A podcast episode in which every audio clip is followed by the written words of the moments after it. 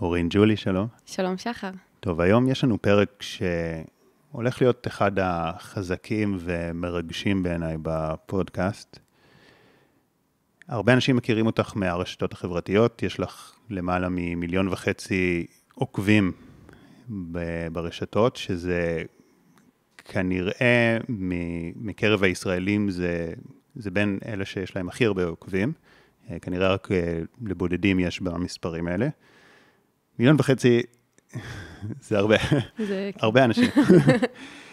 אמ, והם מכירים אותך ככה מגמר הישרדות ומהפעילות שלך אה, עם נשק. אבל היום אנחנו פחות ניגע בנושאים האלה, זה גם יעלה תוך כדי, אלא יותר בסיפור האישי שלך של ריפוי, ריפוי מטראומה, ריפוי של הנפש, ריפוי רגשי, של מערכות יחסים, גם גוף ונפש. ניגע בכל הנושאים האלו. וואו, אז אה, אוקיי, קודם כל תודה שהזמנת אותי. אני ממש שמחה להיות פה, אני מאוד מעריכה אותך ואת העבודה שלך. אני אתחיל באמת אה, מגמר הישרדות, כי ככה העלית את זה. גמר הישרדות היה ב-2019, ואני אז הייתי עוד אה, ילדה צעירה ומאוד חרוצה שרוצה להתפרסם ולעשות כסף, והיה שם איזשהו רגע מאוד מכונן, דווקא בגמר הישרדות. ששכבתי על כיסא כזה, והמאפר איפר אותי, והצלם צילם אותי, ונורא כולם רצו להצטלם איתי, ושכבתי שם מאוד מאוד מבולבלת. אמרתי, רגע, רגע, לא יכול להיות, משהו לא מסתדר לי. אני בדיוק איפה שרציתי להיות. אני בפריים טיים, אני מפורסמת, אנשים רוצים להיות לידי, למה עדיין רע? למה אני עדיין שוכבת פה בזמן שמצלמים אותי? וכל מה שעובר לי בראש זה בא לי למות.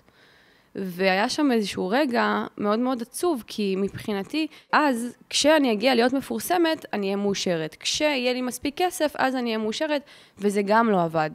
ושם היה לי איזשהו רגע שאמרתי, אוקיי, כנראה שכלום לא יעבוד, וצריך להמשיך לחיות ככה באוטומטים האלה, כמובן שלא בשפה הזאת, אבל זה מה שהרגשתי באותם רגעים.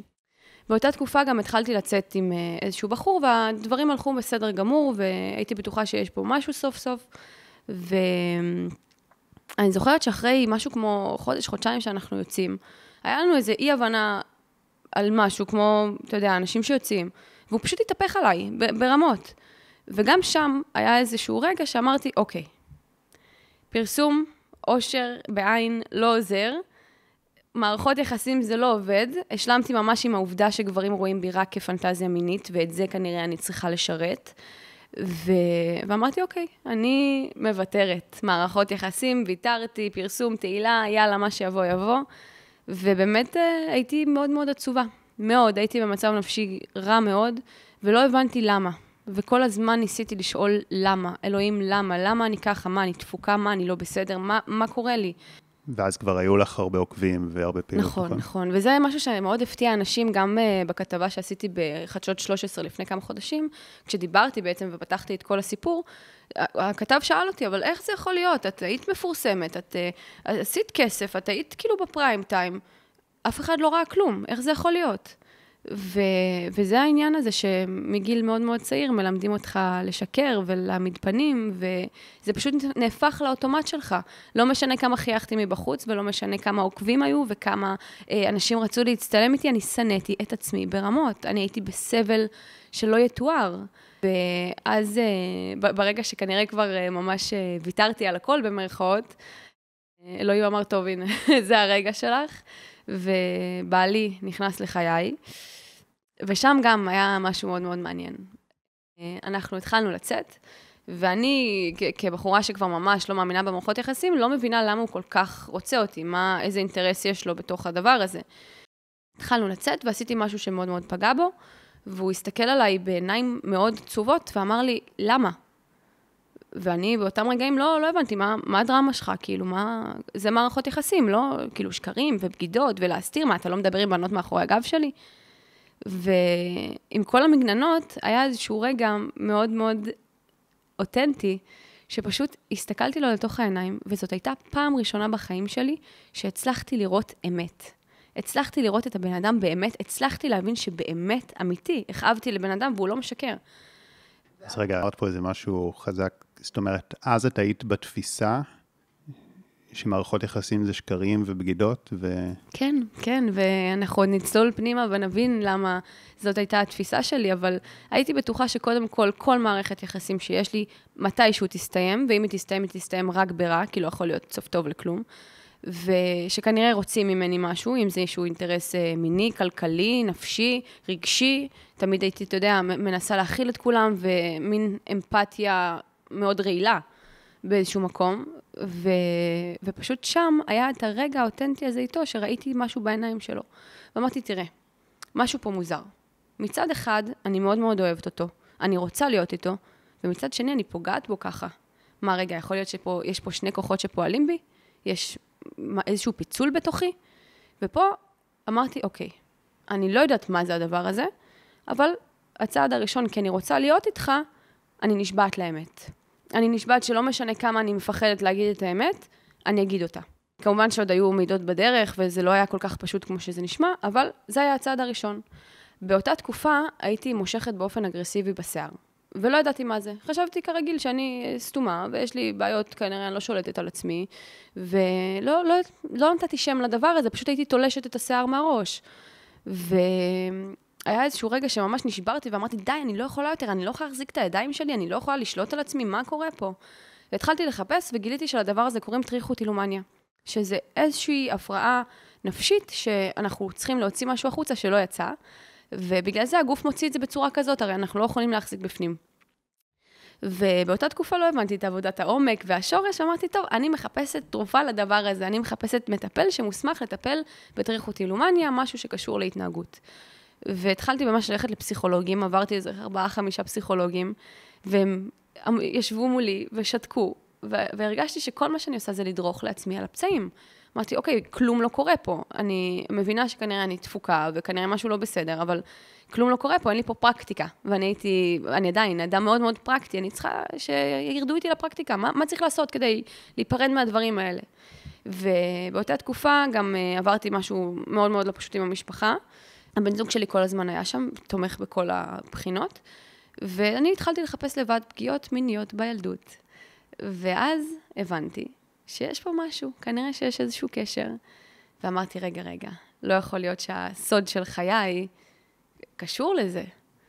ומסתבר שכן, ו... ואז פשוט אה, הבנתי שאם מדברים על הטראומה ומוציאים אותה החוצה, אז אה, אפשר להיפרד ולהירפא, ואתה יודע, ברמה מאוד מאוד שטחית זה מה שהבנתי.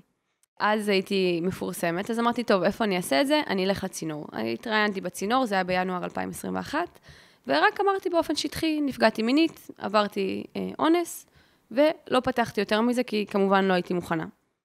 קיבלתי כמויות מטורפות של הודעות, גם אני, גם אני, גם אני. אמרתי, אוקיי, רגע, יכול להיות שיש כאן משהו. אני אלך להרצות על הדבר הזה.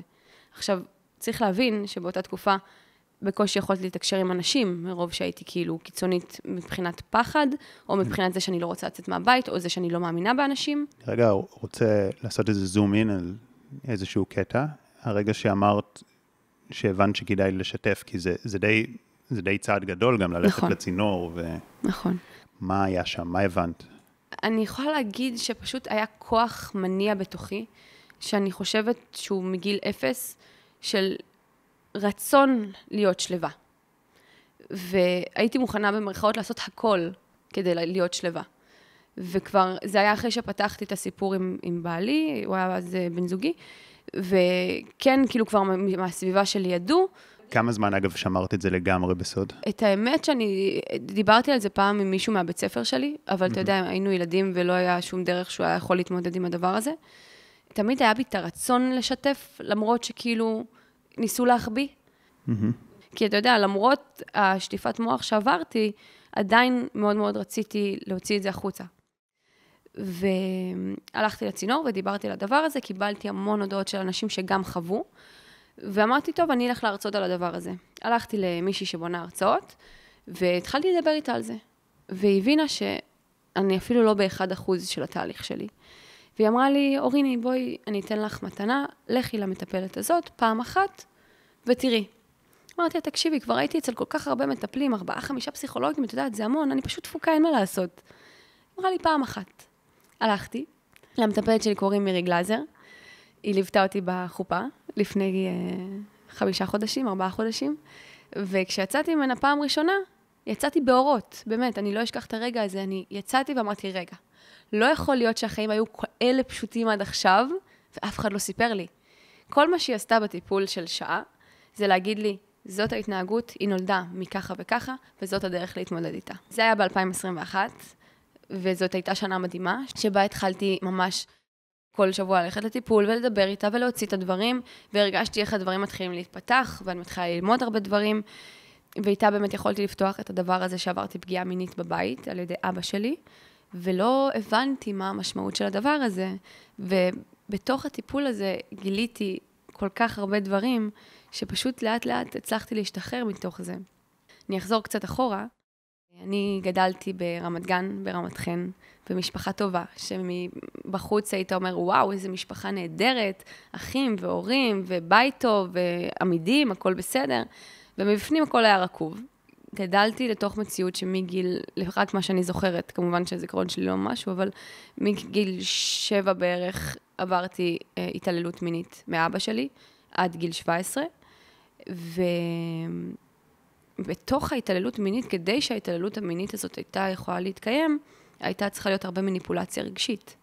היה צריך להיות הרבה אילוף, אני קוראת לזה.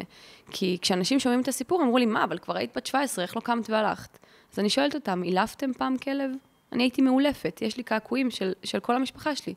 אני הייתי באמת מאולפת, כי אותי לימדו שמשפחה זה הכל, וצריך לעשות הכל למען המשפחה. ושוב, אני לא, היום אני יודעת שזה לא מרוע. היום אני יודעת שזה ממחלות ומטראומות שעברו דורות אחורה, אבל אז הייתי אומללה ברמות, כי אני גדלתי לתוך מקום שאני אומרת, אוקיי, בטוח כל ילדה עוברת את זה. כל גבר שאני הייתי רואה, אני הייתי אומרת, הוא בטוח אנס, הוא בטוח התעלל מינית. הייתי רואה אבא עם הבת שלו, הייתי אומרת, בטוח הוא אנס אותה. אין דבר כזה שלא. ובטוח הם מסתירים את זה, כי זה מה שאני חוויתי. אפילו לא ידעת שיש אפשרות אחרת, לא, שמשהו לא תקין. לא, אני באמת אמרתי, כולם כנראה מחביאים. לא יכול להיות ש- שאבא שלי עושה לי את זה, ואף אבות אחרים לא עושים את זה. ו- וגם זה מה שנאמר, זה, אתה יודע, מכל הדברים שנאמרו, אני תמיד הייתי מחפשת את ההיגיון. וזה גם הקללה שלי וזה גם המזל שלי. כי תמיד לימדו אותי לשאול למה. אז גם את אבא, אני שאלתי למה. אז היה, אה, זה רפואי, היה, אני לא רוצה שתתרגשי מגברים כשתהיי גדולה. כואב לך, אלוהים מנקה אותך מהחטאים שלך. כל מיני דברים מאוד מאוד קשים. בתוך כל עיוות יש היגיון. וזה היגיון דפוק, נכון, אנשים ששומעים את זה יגידו, מה? אבל זה היגיון דפוק. ו- ולילדה בת שבע, שאבא מסביר דבר כזה, אין לי, אין לי דרך אחרת, אני לא יכולה לברוח לשום מקום.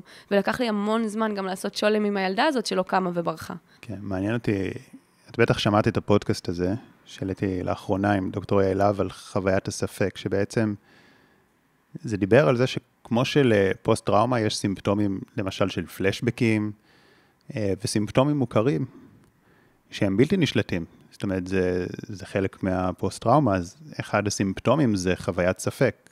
האם זה באמת קרה? אולי זה אשמה שלי? במיוחד, במיוחד כשזה מאנשים קרובים ובגיל צעיר, ומתמשך. אז יש את חוויית הספק הזאת. אני יכולה להגיד לך שחוויית הספק הזאת היא גם נולדת הרבה פעמים מתוך הסביבה המאוד מאוד חולה שאנחנו גדלים בה. אני לא אפרט יותר מדי עליהם, כי אני מכבדת אותם, את המשפחה שלי, אבל אה, אני יכולה להגיד לך שאני עברתי המון גז לייטינג, המון. אה, ערערו לי את המציאות בלי סוף. אני ידעתי מה ראיתי, אני ידעתי מה חוויתי, אני יודעת מה שמעתי. ועדיין היו מנסים להוציא אותי, המשוגעת, המטורפת, כדי שאני לא אדבר וכדי שאני לא אוציא החוצה. זאת אומרת, זה לא שהדחקת דברים במובן שלא זכרת אותם, זכרת בדיוק, אבל הפרשנות של זה אצלך הייתה עובדה. על ידי חלק האנשים. וחלק. יש, הזיכרון שלי עדיין בנוי מפלשבקים, זאת אומרת, אני לא זוכרת הרבה דברים מהילדות שלי, אבל את הדברים הספציפיים שאני זוכרת, אני יודעת מה חוויתי, אבל המון פעמים אמרתי, רגע, הרי נאמר לי בבית, איך את אוהבת את אבא שלך, אם זה מה שהוא עשה לך, את כנראה משקרת. ואני חייתי בהכאה עצמית מטורפת על הדבר הזה, איך אני אוהבת את אבא שלי, אם זה מה שהוא עשה לי. לקח לי המון זמן והמון מחקר כדי להבין שאני גדלתי לשתי מציאויות. היה לי ביום אבא מדהים, טוב, תומך, אוהב, מפרנס, דואג, צחוקים, ובלילה, במרכאות, השטן שלי. וכשאתה גודל לתוך מציאות כזאת, גם הפוטנציאל שלך לפתח מחלות נפש, כמו פיצול אישיות, בגלל המציאות המפוצלת, היא מאוד מאוד קלה. וכשגורמים לך גם להרגיש שזה שאתה אוהב אותו, זה לא בסדר, או שאת משקרת, אז זה עוד יותר גורם לך לחשוב, רגע, רגע, אולי, אולי אני באמת תפוקה. יש לי הרבה שיח פנימי. אז אני אומרת לעצמי, אורין, הכל בסדר, את היית ילדה בת שבע, שמונה, שגדלה לתוך הדבר הזה. את לא יכולה להיות פתיינית. את לא יכולה להיות כלום. מי שרואה ילדה בת שבע וחושב שהיא פתיינית, או... זה, כנראה צריך ללכת לטיפול דחוף. הרבה כי פעמים... הייתה לך אשמה כזאת, שאולי זה בוודאי, את גרמת לזה? בוודאי, כי גם חינכו אותי על זה שגברים הם מאוד מאוד מסכנים. אמרו לי שאם אני הולכת עם מכנס קצר או עם חולצה קצרה, בעולם הבא יהיה לי כוויות על הגוף, סתם לצורך העניין. זה מפחיד נורא. ו- ו- והיה פה דיסוננס מטורף, כי מצד אחד, בתור ילדה נגיד בת עשר, שמתלבשת הכי חשוף שיש, כי אני צריכה את התשומת לב הזאת, כי אני צריכה שיראו אותי, כדי שאני, אתה יודע, כמובן באופן לא מודע, אני צריכה שיראו את הסבל שלי ויעזרו לי. מצד שני, אני אוכלת את עצמי, כי בעולם הבא יהיה לי כוויות על כל הגוף. וכי אני מפתה גברים מסכנים שלא יכולים לשלוט בעצמם. וזאת הייתה התמונה שיש לי על גברים. הם מסכנים, הם לא יכולים לשלוט בעצמם, אם קרה לי, זה באשמתי. ו- וזה דרך נוראית, נוראית לגדול בה, ובגלל זה אני אומרת, כל בוקר אני קמה בבוקר, אני אומרת, וואו, תגידי תודה, נשמה, את נס גלוי. את נס גלוי, כי, כי בלי, בלי תרופות, בלי uh, שימושים, בלי דברים כאלה, אני הצלחתי לרפא את חיי. הרבה פעמים גם uh, אבא שלי היה אומר לי שאנחנו בחרנו את החיים האלה. כשאבא שלי היה חבדניק, דתי כזה, אוהב קבלה, ו... והוא היה אומר לי, אה, אנחנו בחרנו את החיים האלה, זה החוזה שחתמנו עליו כשירדנו לפה. וכל המנעד בבית תמיד היה מאוד מאוד קיצוני. זאת אומרת, או שהיינו אוהבים בקיצוניות של אני אוהב אותך, אני אמות למענך, או היינו אה, רבים ברמה של אם תמות, אני לא אבוא ללוויה שלך. תמיד אלו היו הקיצונים, ולא לא יכולתי לחיות ככה. לא יכולתי לחיות עם זה שאם אני אומרת לא, אז הופכים עליי את הבית. על כל דבר, לא רוצה לנקות עכשיו, או לא רוצה לעשות עכשיו, אז הופכים עליי את הבית. לא יכולתי לחיות ככה. ו... והיה שם המון המון האשמה, הרבה משחק בראש, ואני פשוט האמנתי שלא יכול להיות שאלה החיים. וזה כנראה מה שהוביל אותי, אתה יודע, ל- ל- לריפוי. כי באמת לא האמנתי שאלה החיים. לא יכול להיות שכל יום זה ריבים פצצות, אוהבים פצצות, ריבים פצצות, ותמיד זה היה כאילו במנהדים נורא קיצוניים, וזה נורא קשה. זה נורא קשה לחיות בווליומים האלה. כן. את חושבת שזה שקודם כל זה אבא, והוא מגדל אותך, והוא לא הכרת משהו אחר, לא היו לך אה, דמויות אחרות להיתמך על ידיהם. ו... וגם לא רק שהוא אבא, את אומרת, גם היה לו צדדים שהוא פתאום יכול להיות מאוד רוחני, מאוד אה, אה, אוהב. נכון. והשילוב הזה, את חושבת שזה חלק ממה שגרם לך גם להגיד, אולי זה באשמתי? היה הרבה בלבול, כי אבא שלי מבחוץ, כולם אהבו אותו.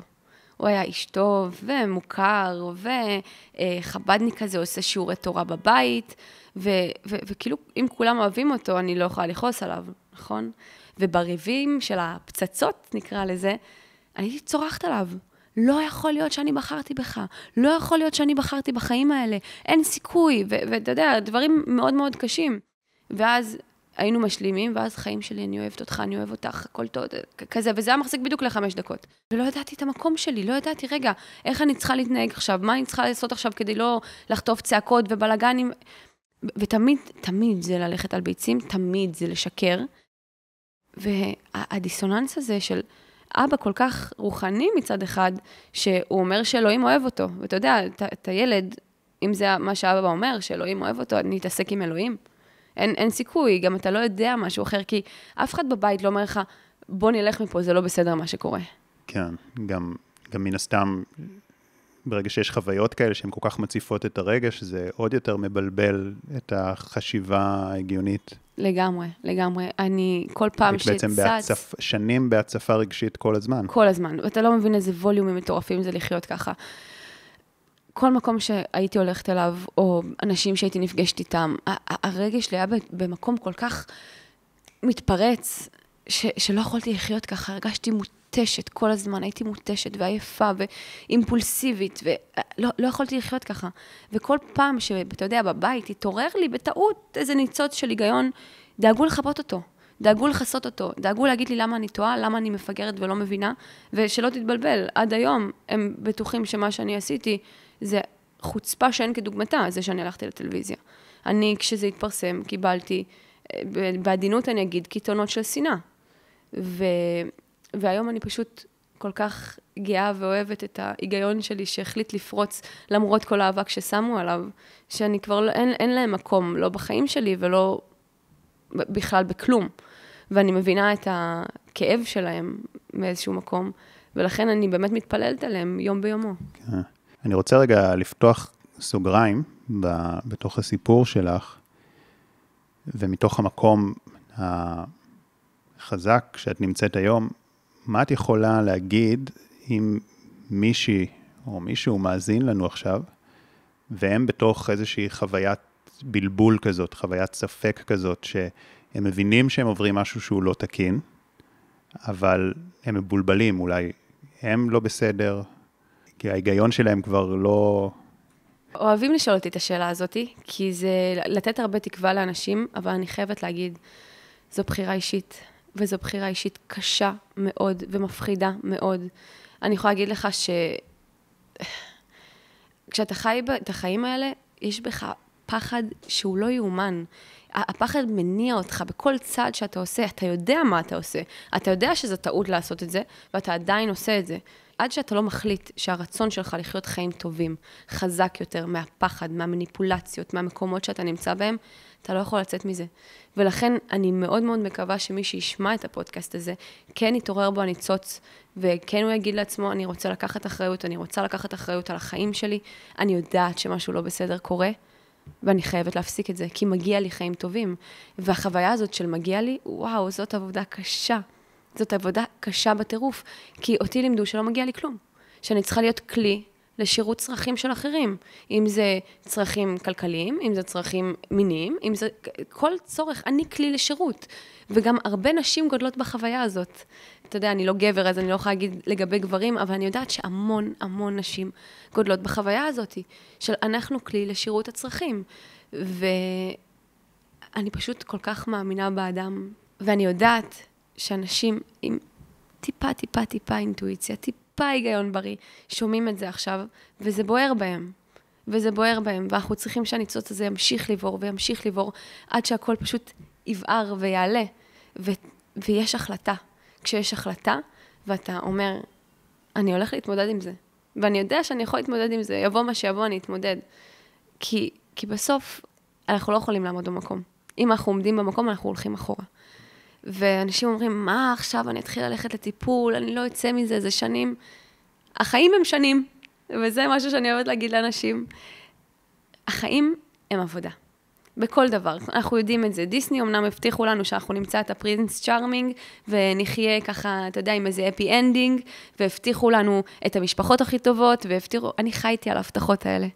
אני קיללתי את אלוהים כל כך הרבה פעמים, איך אני לא קיבלתי משפחה טובה.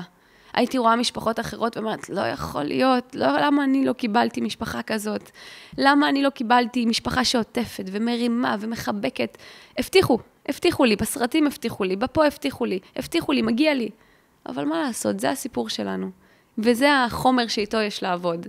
ואני תמיד אומרת, כמעט בכל רעיון שאני הולכת אליו, שבסוף אנחנו בנויים על חורבות או תפארת ילדותנו. ולרוב זה חורבות. ובסוף זו בחירה שלנו אם להמשיך לחיות על החורבות האלה או לא. באמת, אני יודעת שיש הרבה נשים שנמצאות גם במערכות יחסים אלימות, וגם במערכות יחסים גם עסקיות לא טובות, ובסוף, בסוף, בסוף, עם כמה שזה קשה לשמוע את הדבר הזה, כל מערכות היחסים שלנו הם מה שאנחנו. וכשאני רואה דגלים אדומים, ואני מתעלמת מהם מההתחלה, וכשאני רואה שלא מכבדים את הגבול שלי עוד פעם ועוד פעם ועוד פעם, אני נותנת לגיטימציה לדברים האלה לקרות.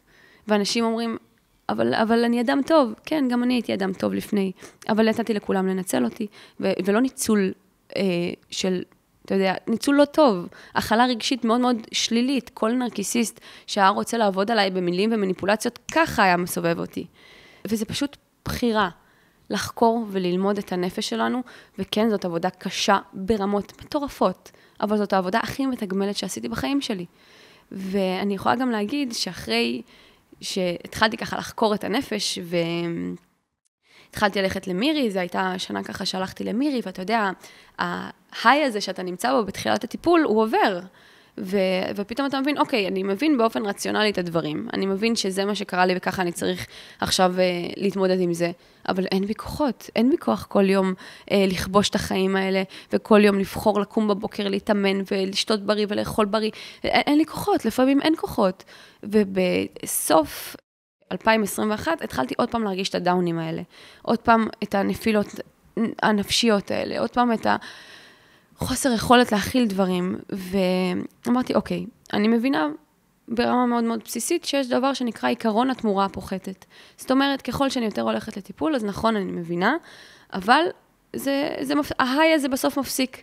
זה כמו אה, סמים או דברים כאלה שבהתחלה אתה בהיי מאוד מאוד גבוה, זה עוזר לך, ואז אתה פשוט בצניחה. ופשוט הייתי שם בצניחה, אמרתי, אוקיי, אני רוצה לחקור עוד. שם הפודקאסט שלך מאוד מאוד עזר, אני חייבת להגיד. שם אני ממש התחלתי להקשיב, ואתה יודע, אתה שומע אצלך את כל המומחים האלה שמדברים, ואני אומרת, וואו, אני, אני בכלל קולטת איזה נס גלוי אני. אני הייתי אמורה להיות אולי איזה זונה נרקומנית בתחנה מרכזית בתל אביב. היה לי אולי הרבה מזל, אבל גם הרבה כוחות נפש כדי לא להגיע למקומות האלה.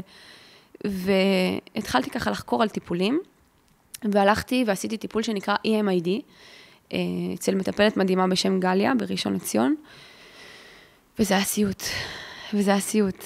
אה, EMID זה טיפול בתרפיה בתנועות עיניים. היא, המטפלת יושבת עם כזה מוט עם לב בסוף, וצריך לשחזר לפרטי פרטים את הטראומה. עכשיו, אנחנו לא מדברים על טראומה נקודתית של עשרה מפגשים וסיימנו, אנחנו מדברים פה על אה, פוסט-טראומה מורכבת של כמעט עשור. והייתי ארבעה חודשים בטיפול הזה, וכל המטרה של הטיפול הזה זה לתת למוח אינטרפטציה חדשה על אותו זיכרון מאוד מאוד טראומטי ולהפוך אותו לניטרלי. עשיתי את זה פעמיים בשבוע במשך ארבעה חודשים, ואני יכולה להגיד לך שזה היה אגרסיבי ברמות מטורפות. אני הייתי גמורה, גמורה. כל הגוף שלי הגיב לדבר הזה, הבטן לא הייתה מפסיקה להתנפח לי, הייתי מקבלת פתאום התקפי אסתמה, אלרגיות, הייתי שוכבת במיטה בוכת צרחות, התקפי חרדה. היה לי אפילו פעם שהרגשתי פיזית שאני חוזרת להיות בת שמונה. פתאום הייתי מוצפת כל כך, שכאילו, לא ידעתי מה לעשות עם עצמי.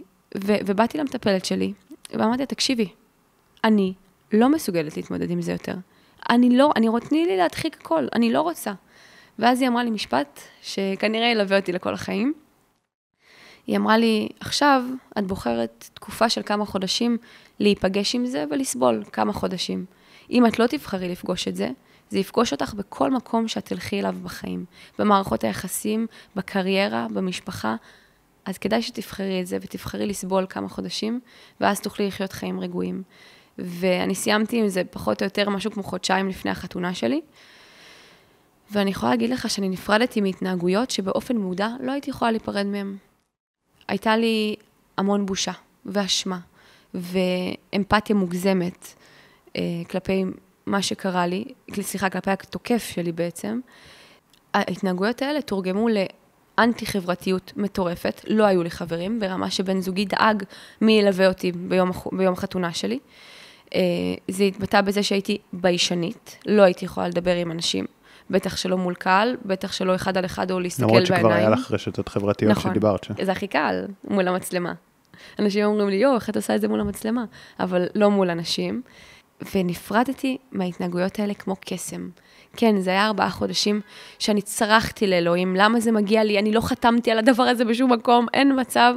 ואחרי ארבעה חודשים, אני מוקפת באנשים שאני בחרתי להכניס לתוך החיים שלי. אנשים שכולם כבר הולכים לטיפולים, כולם, באמת, אין, אפילו החברה האחרונה ככה נפלה ברשת uh, בסוף שבוע האחרון. ו, ואתה יודע, יש קסם מדהים שקורה בתוך חבורה שכולם באמת רוצים לרפא ולהתקדם ולפתח את עצמה.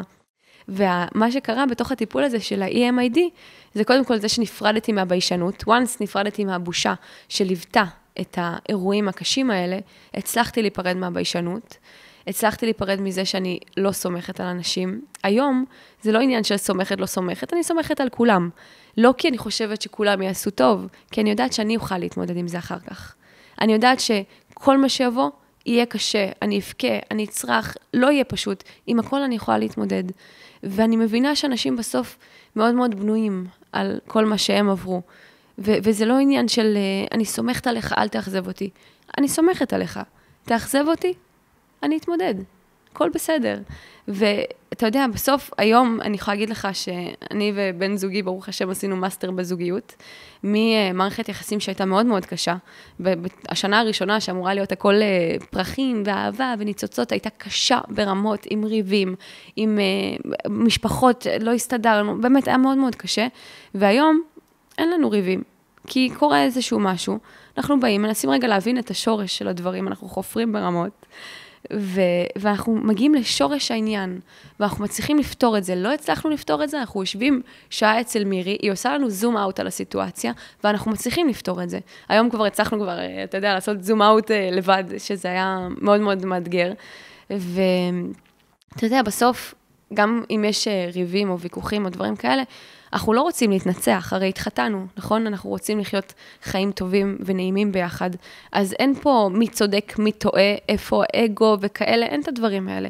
יש רצון באמת להגיע לדרך משותפת, וזה מה שמוביל אותנו כרגע, גם אותי וגם את כל החברים שלי.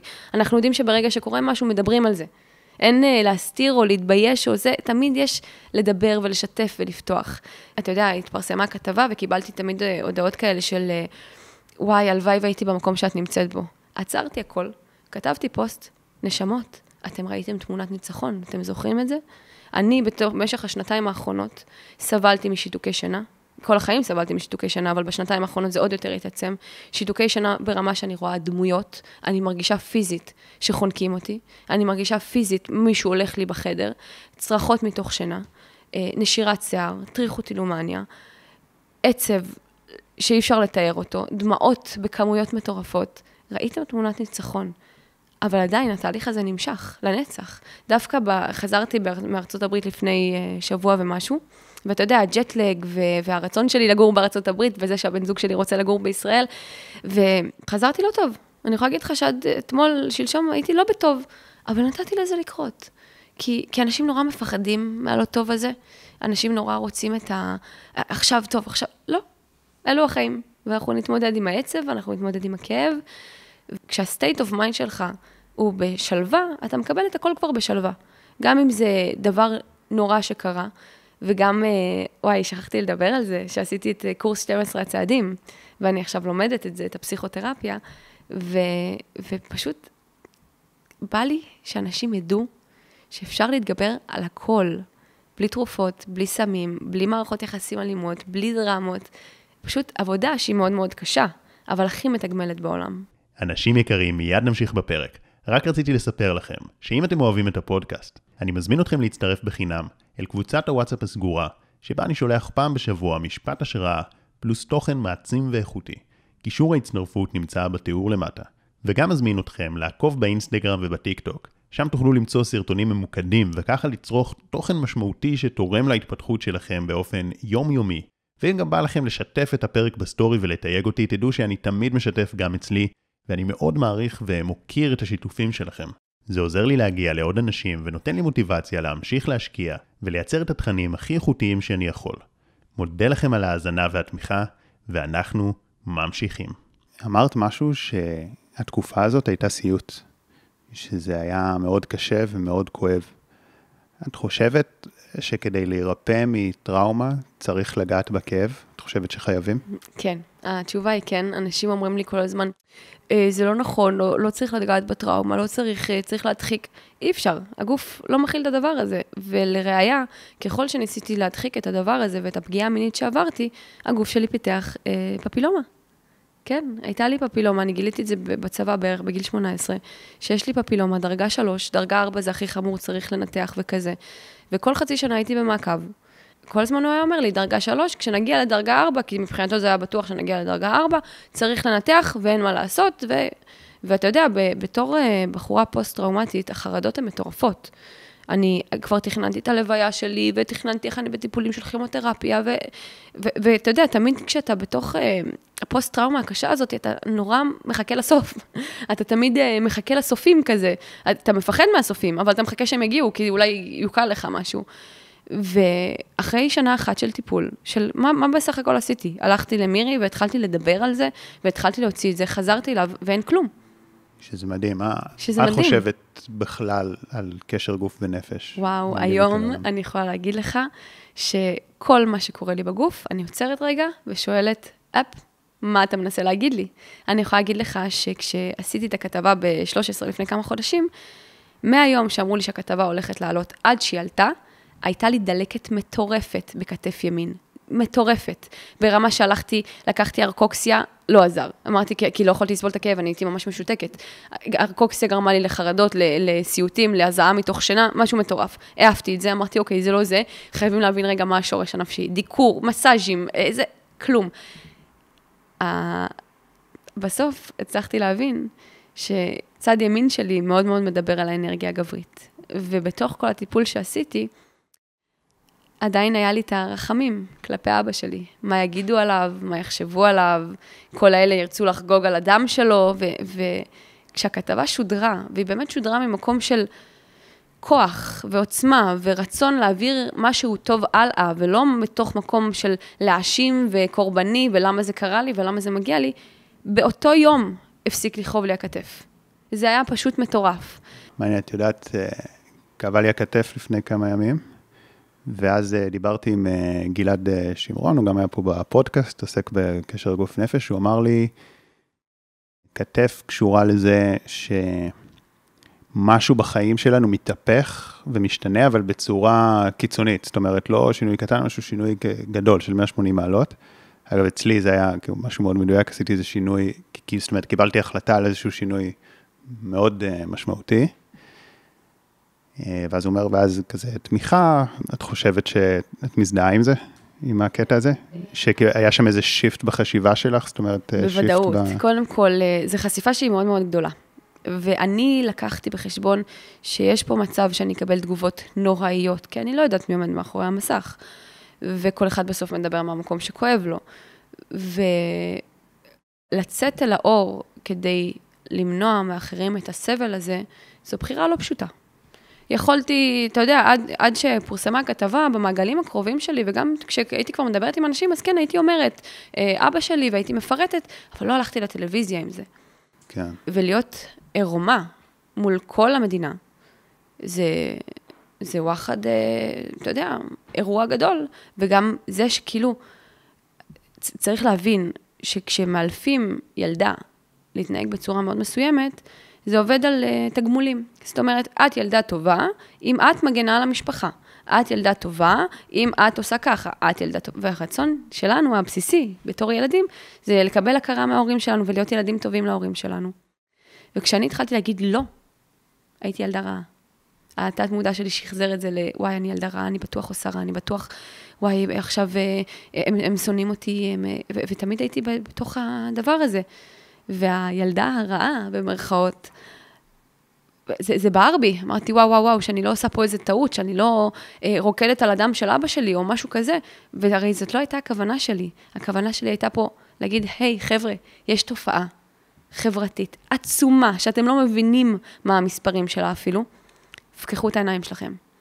כן, זאת אומרת שזה גם איזה שיפט מאוד גדול מ... מאוד. בעצם, ננסה להגדיר את זה, מי שככה נפלת, או לא נפלת, אלא היית שבויה בתוך המניפולציות שעשו לך, וככה לרצות אותם ולרחם עליהם אפילו, ולהיות באמפתיה כלפי התוקף. זה גם... ל... אה, לסמוך על עצמך, זאת אומרת, כן. לצאת ל... זה גם, אתה יודע, היה, היה לי שם אה, בעצם תהליך של פרידה. פרידה מהסיפור שלי, כי זה כבר לא הסיפור שלי.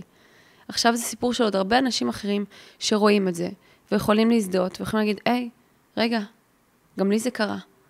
גם אני יכול להגיע למצב טוב, ו- ופתאום זה, זה לא הסיפור שלי יותר. זה הסיפור של כל מי שצפה בזה. ו- והגוף שלי הגיב לזה, ואני יכולה להגיד לך שאני אה, סובלת היום קצת פחות ממעי רגיז. אני עד uh, גיל יחסית מאוחר הייתי אוכלת חלב והכל היה בסדר, ופתאום לקראת גיל 25, 4, משהו כזה, הייתי אוכלת ומתנפחת ברמות, ואני כמובן בטוחה שיש לי משהו בבטן, וכזה, מנגד כמובן שזה לא אומר הולך כבר לבדוק. כמה שנים. כן. ופשוט, ככל שחקרתי וחקרתי וחקרתי, הבנתי שאין מנוס. אני אדם מאוד מאוד אמפתי ורגיש, שכל מה שאני ארגיש בתוך הנפש יתורגם לגוף באופן מיידי. זאת אומרת, אה, חזרתי מארצות הברית, לא הרגשתי טוב, בום, הבטן מתנפחת לי. וזה לא משנה מה אכלתי ולא משנה מה שתיתי. ו... אז עכשיו זה ירד? זה ירד, זה ירד משמעותית. כן. כן. אני חושב שזה גם, שזה נחשב כאילו משהו מאוד מלוכלך. מאוד. ש... זאת אומרת, אני מדבר הקונפליקט הרגשי, שבדרך כלל אני יודע שמקשרים לזה. כעס, אבל, כן. אבל לא סתם כעס ששומרים, אי אפשר לעכל את זה, כי הוא משהו נכון. מסריח, מלוכלך שקרה בזה, באמת. יש כמה נקודות בגוף שממש, אני יכולה פיזית להרגיש אותן כשאני מדברת על נושאים מסוימים. Mm. היום אני יכולה להגיד לך שאני לוקחת uh, את אימא שלי לטיפול, וזה מדהים, באמת, קורים, קורים ניסים, ולפעמים היא מדברת, ובזמן שהיא מדברת, אני איתה בטיפול, המטפלת שואלת, מה את מרגישה? אז אני יכולה להגיד לה ממש, כואב לי בכתף, כואב לי פה, כואב לי... אני, אני מצליחה להבין כבר מה, מה מפעיל מה. וככה החיים הם הרבה יותר פשוטים, בלי לקחת תרופות, בלי לרצות לברוח מהכאב ישר. כי יש איזשהו מין אה, פחד כזה, כי כנראה מאוד מאוד חינכו אותנו מגיל צעיר, שאסור שיהיה כואב, אסור שיהיה מפחיד, אסור... אבל רגע, חבר'ה, הלו, בני אדם לא נולדו מאושרים. בשביל העושר הזה צריך לעבוד. ו... כן. מה קורה שהם מפחדים לגעת בכאב? כן, זה... זה... זה... זה נראה לי כמו פחד מוות כזה, אתה יודע? כן, שמעתי היום איזה משפט ש... אני לא זוכר של מי. אי אפשר להימנע מהכאב, אבל אפשר uh, להימנע מהכאב של לנסות להימנע מהכאב, או משהו כזה, זאת אומרת, זה לא הניסוח הכי טוב. זאת אומרת שהכאב הוא בלתי נמנע, אבל כשאנחנו מנסים להימנע מהכאב ולא לחוות אותו, אז הרבה יותר כואב. חד משמעית. אני יכולה להגיד לך שאם כל הרצון שלי לברוח מהמציאות, וכל הזמן לנסות לייפות את הדברים. זאת אומרת, אם היה לי עכשיו, לצורך העניין, חוב בבנק, לא הייתי נכנסת לאפליקציה של הבנק. זה לא שאני הייתי מטפלת בבעיה, אני הייתי פשוט מתעלמת ממנה, היא הייתה צומחת, והיא בסוף הייתה מתפוצצת לי בפנים, אבל אני הייתי דוחקת את זה, דוחקת את זה, לא לראות, לא לראות, לא לראות. כי הייתי בטוחה שגם אין דרך לטפל בדברים כאלה. ופתאום, אתה יודע, כשהתחלתי לשמוע אנשים אומרים, אפ, אפ, עצרו, חבר'ה, יש דרך לטפל בהכל. אז הבנתי שבאמת יש דרך לטפל בהכל. נכון שהדרך יכולה להיות קשה מאוד, לא פשוטה, אבל למה אנחנו פה? אתה מבין? זה מדהים, אני מרגישה גם שהתקשורת הישראלית והקהל הישראלי ממש עבר איתי את התהליך, כי כשאני התפרסמתי, התפרסמתי בתור אה, דוגמנית נשק, פרובוקטיבית, שמפרסמת כלי נשק, וקיבלתי המון המון שנאה, קיבלתי תגובות מזעזעות. ו... ככל שאני עברתי כל פעם שלב בטיפול והייתי מדברת על זה, אז, אז הרגשתי שהקליפה מתקלפת. שמעתי משפט יפה שאומר שקליפה זה קל ויפה. וכשאנחנו מוציאים את הקליפה ומקלפים, מגלים את כל הבפנים, אז קורים הדברים האמיתיים. והקליפה שלי מבחוץ הייתה מהממת. הייתי כל הזמן בחו"ל, וכל הזמן אה, אנשים היו סביבי, ו- וכאילו, אתה יודע, זה היה נראה כאילו, וואו, היא, היא גם נראית טוב, בטח טוב לה בחיים. סבל שלא יתואר. הקליפה הייתה קל ויפה. כל הבפנים היה קשה ו- ומתיש, ולילות של, וואו, באמת, אני לא יכולה להסביר את הדבר הזה אפילו. ו- והגעתי לנקודה שאני יכולה להגיד לך שהיום נעים לי. אני מקבלת את הכאב, ואני מקבלת את העצב, וכל מה שהחיים מביאים אליי. אני מבינה קודם כל שזה באחריותי. אני מבינה שהכל באחריותי. איך את מסבירה את זה ש... את הקריירה שלך בתחום הנשק למה שעברת בפן הרגשי? בקלות. אמ, כשהיו שואלים אותי ברעיונות, כשרק התפרסמתי, מה, למה את אוהבת נשק? למה שבחורה יפה, חמודה כמוך, תאהב נשק? אז הייתי אומרת, אה, לא יודעת, אני פשוט מרגישה שזה נותן לי איזשהו ביטחון, אה, זה נותן לי כוח, נשק זה כוח. ואז כשחוקרים את הנפש ומבינים שאנחנו בנויים היטב על מה שעברנו בילדות, אני מבינה שדמויות הסמכות שלי, אלו שהיו אמורות להגן עליי מכל העולם, פגעו בי בתוך הבית. אז לקחתי את האקסטרים של כלי ההגנה העצמית הכי יעיל לעבודה, כדי להגן על עצמי. כי הרי זה לא נראה לאף אחד טריוויאלי שבחורה בת 20 כל כך תאהב נשק, שהיא תהפוך את זה לכל חייה, שהיא תהפוך את זה לקריירה שלה, שהיא תהפוך את זה לכל דבר. עכשיו, אני יכולה להגיד שאני מאוד מאוד נהנית מהתחום של ירי, של ירי ספורטיבי, זה תחום מאוד מאוד גדול. אני כן מאמינה שבמדינה הזאת כן צריכים אנשים חמושים עם כל מה שקורה עם פיגועים, אבל כבר זה לא ממקום של אני מפחדת אה, לנשום ואני מפחדת לזוז, ו... ו- ואני מרגישה, אתה יודע, גם איזושהי הכרת תודה, גם לצבא וגם לנשק, כי מה שקרה בצבא, אני התגייסתי באוגוסט 2012 לפרקליטות הצבאית, שזה ג'ובניקים. והייתי בטירונות 02, והתאהבתי קשות במדים ובנשק. כמובן שאז לא יכולתי להסביר למה, והלכתי ואמרתי, אני רוצה להיות לוחמת. אז לא היה לי פרופיל רפואי, כי הייתה לי אסתמה, לא פעילה בזמנו, ושזה גם דבר מעניין, היה לי אסתמה מגיל 7 עד גיל 17. מעניין. ו... ואימא שלי תמיד התפלאה איך אה, לא נולדתי עם אסתמה, והיא באה לי רק בגיל 7-8 אה, כזה. היום אני כבר לא מתפלאת, הגוף שלי רצה להגן עליי בלילות, אז אה, הוא העדיף לקבל התקפי אסתמה מסכני חיים, ולא להתמודד עם מה שהייתי אמורה להתמודד איתו. והאסתמה בגיל 17-18 כבר לא, לא הייתה פעילה. ובאתי והלכתי לצבא, והוכחתי להם שהאסתמה שלי לא פעילה, העליתי את הפרופיל ל-82, והצלחתי לעבור לקרבי, הצלחתי לעבור לחילוץ והצלה, שזה היה החלום שלי. הרגשתי חממה בטוחה של מדים ונשק ושלוש ארוחות ביום, ונורא דואגים לך, ונכון, העבודה היא מאוד מאוד קשה, אבל התאהבתי. הייתי במסלול כוכבים, מסלול כוכבים זה אומר אה, קורס, סליחה, טירונות, אימון מתקדם, קורס מ"כים, קורס קצינים, בלי הפסקות באמצע, בגלל שאתה כאילו יעני כל כך מוצלח, אז uh, רוצים לקדם אותך מהר. ואני לא יכולתי להאמין שאני כל כך מוצלחת. כנראה המפקדים שלי ראו בי משהו טוב, אבל אני לא. ונפצעתי בקורס מ"כים, גם כי הייתי במצב נפשי גרוע מאוד, אבא שלי נפטר ובזמנו הוא היה כל עולמי, ובן זוגי שהיה שלוש שנים זרק אותי כי רציתי ללכת לקרבי, והיה לי מאוד מאוד קשה בקרבי, והייתי במצב נפשי מאוד מאוד קשה, ולא סיימתי את הקורס מ"כים. כשלא סיימתי את הקורס מ"כים, היה בי עצב, שאתה יודע, עד עכשיו זה יכול להפעיל אותי לפעמים, הכאב הזה, אה, אבל הייתה בי גם שמחה, כי אמרתי, או, oh, הנה, הוכחתי לעצמי שאני לא ראויה. הוכחתי לעצמי שאני לא מסוגלת. ואז עשיתי תפקיד אה, של שיקום כזה של חודשיים. יכולה רגע להרחיב על, ה... על החוויה הזאת של חוסר אמונה בעצמך, של חוסר ראויות, שאת מרגישה כן. לא ראויה לדברים? כן, זה, זה תחושה כזאת שגם כשאומרים לך מבחוץ, וואו, את, את נורא יפה ואת נורא חכמה ואת אה, את יכולה להוביל אחרייך אנשים, ואני כאילו, מה, הם מפגרים? מה הם רואים פה? מה, הצלחתי לעבוד עליהם כנראה? אתה יודע, תסמונת המתחזה מלווה, ליוותה אותי לפחות בכל תחום בחיים. וכל פעם היו נותנים לי איזה משהו ואומרים לי, וואי, את טובה פה, את טובה פה. לא, לא, לא, הם תכף יעלו עליי. רגע, רגע, הם תכף יגלו שאני גרועה, וכדי להוכיח את זה, שתכף יגלו שאני גרועה, הייתי גרועה. הייתי רוצה שיגידו, אה, הנה, האכזבה הזאת. פשוט עובד לפי ימים. יש ימים שאני אני, ואני יכולה לעשות ולקדם ולהיות מצוינת וכזה, וברגע של דאון קטן, קט, הכי קטן שיש, אוקיי, רגע, רגע, אני רוצה שיראו שאני לא מסוגלת. מה, אתם מפגרים? תתעוררו, אני גרועה. תפתחו את העיניים שלכם, אני מכוערת ואני שמנה ואני נמוכה ואני לא חכמה, אני לא חכמה, למה אתם חושבים שאני חכמה? כי, כי זה גם מפחיד אותי האחריות שזה בא עם זה. כי באמת, רצו שאני אפקד על אנשים. ואני בזמנו לא יכולתי לפקד על עצמי, אתם רוצים שאני אפקד על אנשים? ו- וכן, הם צדקו, דרך אגב, הם צדקו. אני עשיתי קורס קצינים במילואים לפני uh, חודשיים בערך, והם צדקו. אני היום יכולה להגיד לך שכשאני בניתי את הזהות שלי, אני יכולה להוביל אחריי אנשים. דאז, אין סיכוי. אין סיכוי, לא הייתי יכולה, וגם היה בי מין שמחה קטנה בלב, ו- וזה משהו שמאוד מאוד קשה להודות בו, כשנפלתי מהקורס מ"כים. כי אמרתי, או, oh, הנה, הם רואים שאני גרועה.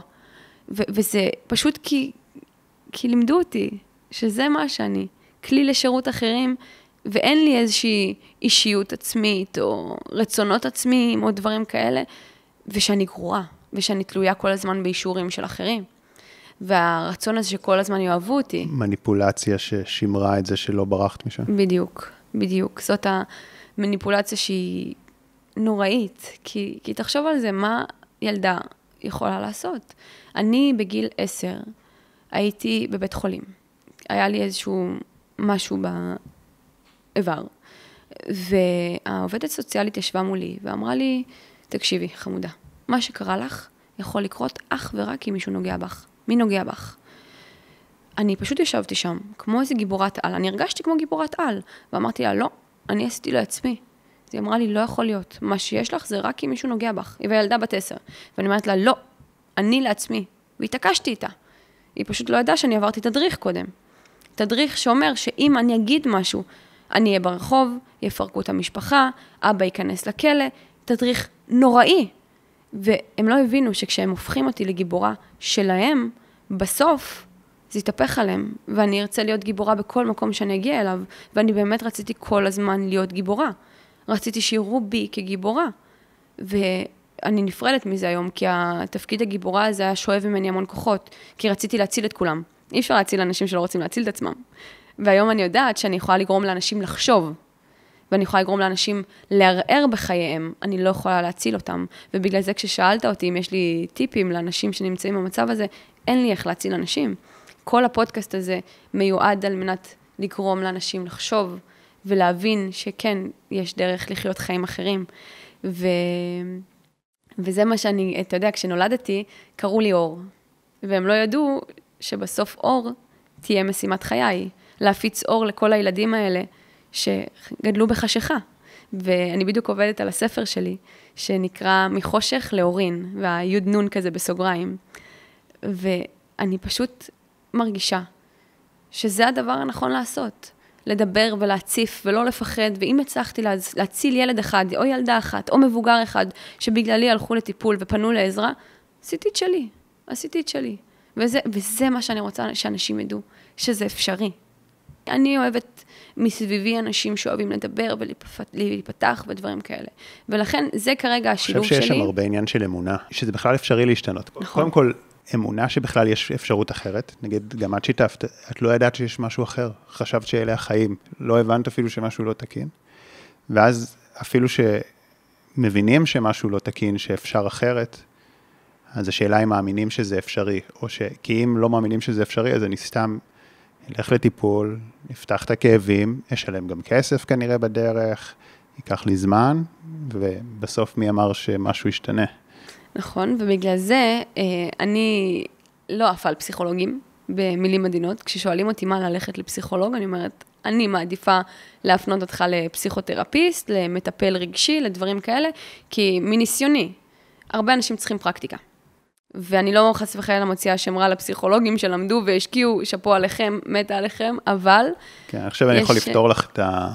את הדבר הזה בשיחות, מה שאני אומר, ששואלים אותי על איזה שיטה אתה ממליץ, CBT, NLP, 12 צעדים, פסיכותרפיה, כן? על מה אתה ממליץ? אז אני אומר, אני לא ממליץ על שיטות, אני ממליץ על בני אדם.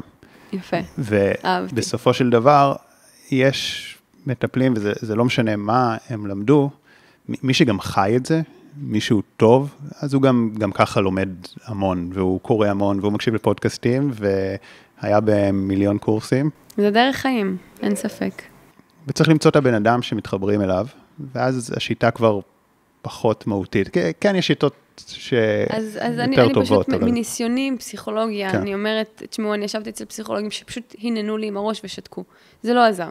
אני כן יכולה להבין את המקום הזה שצריך לפרוק וצריך זה, אבל בסוף, לפי מה שאני רואה, בעיקר פוסט-טראומטיים, צריכים המון פרקטיקה. כי כדי להכיל את הדברים הקשים שעברנו, היינו צריכים היגיון. אני כל הזמן הייתי שואלת למה, למה, למה, למה. הייתי צריכה כל הזמן היגיון. וכשאין לי תשובות לדברים, לא יכולתי להתקדם הלאה. וכל הזמן הייתי מחפשת את התשובות לדברים. ואני יכולה גם להגיד שהלמה הזה, המון פעמים שמר אותי במקום מאוד מאוד קורבני. כי כשהייתי במערכות יחסים מאוד מאוד אלימות, או עם המשפחה שלי, אז כל הזמן, למה הם עושים לי את זה? למה הם עושים לי את זה? והרי אין תשובה. כי בסוף, אנשים מתנהגים כי טראומות ילדות, כי זה, אבל כי לא, לא יכולתי אז להבין את זה. אז בשביל לחקור את הלמה, הייתי נשארת באותו מקום ושואלת למה, למה, למה, למה, אבל אין תשובה ללמה. היום אני יודעת מה התשובה לכל למה. לא טיפלתם בעצמכם כנראה. על הדבר הזה אני רוצה רגע לשאול משהו, כי בהתחלה הלמה שלך הייתה תשובה, כי אני לא בסדר, כי לי לא מגיע טוב, כי אולי אני גרמתי לכל זה לקרות, ובתהליך של הריפוי בעצם הגעת לאיזושהי הבנה שזה פשוט היה משהו לא תקין, זה לא קשור אלייך, שחררת את האשמה קודם כל. בעצם כשמשחררים את האשמה, יש גם בו זמנית איזושהי היכרות, איזושהי התוודעות לכך שהיה פה משהו ממש לא בסדר. כל הילדות שלי קרה משהו ממש נורא. זה גם איזשהו אובדן, לא איזשהו... הרבה התאבלתי, המון. אני עדיין לפעמים מתאבלת. כי אמרתי, אה, הבטיחו לנו שמשפחה זה צריך להיות המקום הכי חם ואוהב, והבטיחו לנו סופים שמחים, והבטיחו. וזה זה לא שאני שונאת את המשפחה שלי. אני נפרדתי מהם בכאב רב, כי הם אנשים לא בריאים, לא לי, לא בכללי, אבל האבל הזה תופס אותי. אבל האם אני נותנת לו לנהל אותי? לא, אני חווה אותו. באותו של, באותה שלווה ואהבה שאני חווה את השמחה שמגיעה. ואני אומרת, קחי לך ערב, תתאבלי. מותר לך, עצוב, עצוב מאוד. אני אהבתי את האחים שלי ברמות שאני לא יכולה להסביר לך. אתה, אתה צריך להבין שאני גדלתי לתוך מקום שמשפחה זה הכל. הייתי עם אחים שלי כל הזמן. כל הזמן, הם היו כל העולם שלי. הייתי יכולה להרביץ לכולם, להתחרפן על כולם רק בשביל האחים שלי. ולהיפרד מהם, זה אבל. בוודאי שזה אבל. ו- ולהבין שגם אם הם לא יפנו לטיפול מעצמם, לא כי אני רוצה שהם יפנו לטיפול, אין לי דרך חזרה עליהם. המון אבל. ואני מקבלת את האבל הזה. לפעמים הוא בא לבקר, לפעמים הוא אוהב לבוא לבקר ככה בערבים, לפעמים הוא אוהב ככה לבוא בבוקר לשתק לי את היום. אני מקבלת אותו. מה אנחנו יכולים לעשות? אלו החיים. אם אני אתן לאבל הזה מקום מעבר ל- לקבל אותו ולחבק אותו, כי להבין שכואב זה בסדר, זה כואב. הוא ימשיך לנהל לי את החיים, ואז את הילדות שפספסתי, אני אמשיך לפספס את הבגרות שלי. אז אני מעדיפה להתרכז בכאן ועכשיו. וזה בדיוק מזכיר לי שכשהתחתנתי באותו יום, כולם אמרו לי, וואו, אורין, את הכלה הכי רגועה בעולם. אמרתי, סליחה, אנחנו יושבים פה, אתה מאפר אותי, אתה עושה לי שיער, אה, חברות שלי פה, אני לא בחופה. כשאני אהיה בחופה, בטח שאני אתרגש ושאני אשמח. אבל כשאני פה איתכם, אני פה. וזה המס... הקושי, להיות פה, להיות ברגע הזה. ו- וכמה שקלישייתי זה נשמע, הראש שלנו בורח כל כך מהר לעתיד, לעבר, לזה, לזה. רגע, אנחנו מפספסים. וזה, וזה מה שאני לא רוצה יותר לפספס. אני רוצה ליהנות מהרגעים שאני נמצאת בהם, הנה כרגע איתך בפודקאסט המהמם הזה, ואחר כך אולי לעשות משהו, אבל אני לא מתרכזת באחר כך. אני יודעת שכרגע אני פה, נעים לי, טוב לי, הכל בסדר. זה ההתמודדות שלי כרגע. כרגע אני לא צריכה להתמודד עם דברים אחרים. זה גם איזו הבנה שהעולם לא צודק. נכון, וזו תחושה כואבת. וזו תחושה כן. כואבת, כי לימדו אותנו, באמת, כי, כי מגיל אפס מראים לנו סרטונים על אה, נסיכות שנסיכים מצילים אותן, ומשפחות אוהבות ומחבקות, לא נכון, מה לעשות? כל אחד קיבל משהו, וזה הסל שלי, וזה מה שחתמתי עליו. ואני יכולה להגיד לך שכנראה חתמתי על החיים האלה. עם כל כן. הקושי בדבר הזה, אני, כנראה בתוכי יש משהו שהיה מספיק חזק כדי להתמודד וכדי להעביר את הריפוי הזה הלאה. ו... וזה קשה, וזה כואב, וזה המון, אם היית שואל אותי לפני שנתיים, הייתי אומרת לך, פתאום, אין מצב, זה לא החיים שרציתי. אני מודה על, על הרגע הזה, כי כרגע נעים לי וטוב לי, ואני בחרתי את האנשים שסביבי, וזה קריטי. לאנשים פוסט-טראומטיים זה קריטי לבחור את הסביבה שלהם. כל החברים שלי, כל מי שנמצא אצלנו ערב-ערב, שאני מדברת איתך לפני זה, לא היו לי חברות. לא היו לי חברים. אני ואתה יודע, בן זוגי היה רוצה לצאת או לעשות, מה פתאום, מה פתאום, בוא נשאר בבית, בוא, אני מפחדת מפה, אני לא, לא רוצה לצאת. הם, הם באים אלינו ערב-ערב, וזה אנשים שכולם רוצים להתפתח ולגדול, ומחבקים ואוהבים, יש לנו אשכרה כמו קבוצת תמיכה קטנה כזאת. ו- וזה קריטי, זה קריטי לאנשים פוסט-טראומטיים, כשבפיצוץ הכי גדול שלי עם האחים שלי, אני לא אפרט לגבי זה, אני רק אגיד שקיבלתי התקף חרדה מטורף. זה היה בנובמבר 2020. קיבלתי התקף חרדה מטורף, כי שם הייתה לי הפרידה הסופית מהם. שכבתי, ו- ובעלי ליטף אותי וניסה לשטוף לי את הפנים, ואני לא הייתי חווה הרבה התקפי חרדה, אז לא ידעתי מה אני בדיוק חווה, ואיזשהו קול קטן בראש אמר לי, אורין, את חווה התקף חרדה, אל תתנגדי, תני לזה לקרות.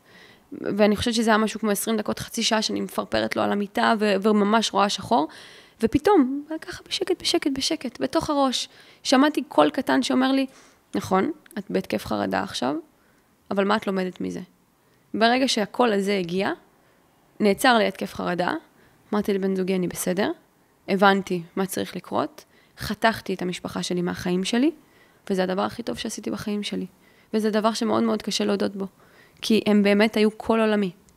ואני אומרת את זה עדיין בכאב רב, כי עדיין תמיד תהיה בי את התקווה הקטנה הזאת שאולי, אולי משהו יקרה, אולי יפנו לטיפול, אולי. אבל אני כבר לא חיה עם התקווה הזאת ברמה שהיא מנהלת אותי ביום-יום. וזה הכוח. אין בעיה לקוות שדברים יקרו, ואין בעיה אה, להתכוונן קדימה ולעשות, אבל באמת לנצל את הרגעים הספציפיים שאנחנו נמצאים בהם. זה מה שחשוב, וזה גם מה שלומדים ב-12 צעדים, רק להיום. היום את מרגישה שסלחת? כשהתחלתי את הטיפול, עוד קצת לפני, מישהו אמר לי, את uh, צריכה לסלוח לאבא שלך. ואני אמרתי, רגע, רגע, סליחה, מה זה לסלוח? ביהדות, בנצרות, בכל מקום אומרים לנו, תסלחו. מישהו לימד אותנו פרקטיקה של איך לסלוח? לא. אז התחלתי לחפש בגוגל, איך סולחים. גם בגוגל, הפלא ופלא, אין תשובות. ואז כשישבתי עם הבחורה שכתבה לי את ההרצאה, היא דיברה איתי, איפה אבא שלך היום? אז אמרתי לה, הוא נפטר מסרטן לפני כמעט עשור. אז היא אמרה לי, וואו, את יודעת איזה מעניין זה? הבנתי שגברים שמתים מסרטן בגיל צעיר, כנראה עברו משהו בעצמם. ואז התחלתי להרגיש שם שלוש אחוז של חמלה, תחושה מוזרה שמילתה אותי, ואמרתי, רגע, רגע, מה זה התחושה הזאתי?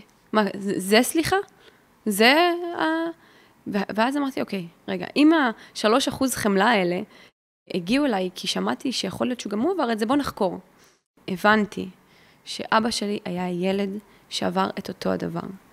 אבא שלי סבל מפיצול אישיות, אבא שלי היה איש חולה מאוד, והבנתי ש, שזה פשוט הייתה שרשרת אכזרית מאוד של הטבע, שעד שלא קוטעים אותה, היא הגיעה גם אליי.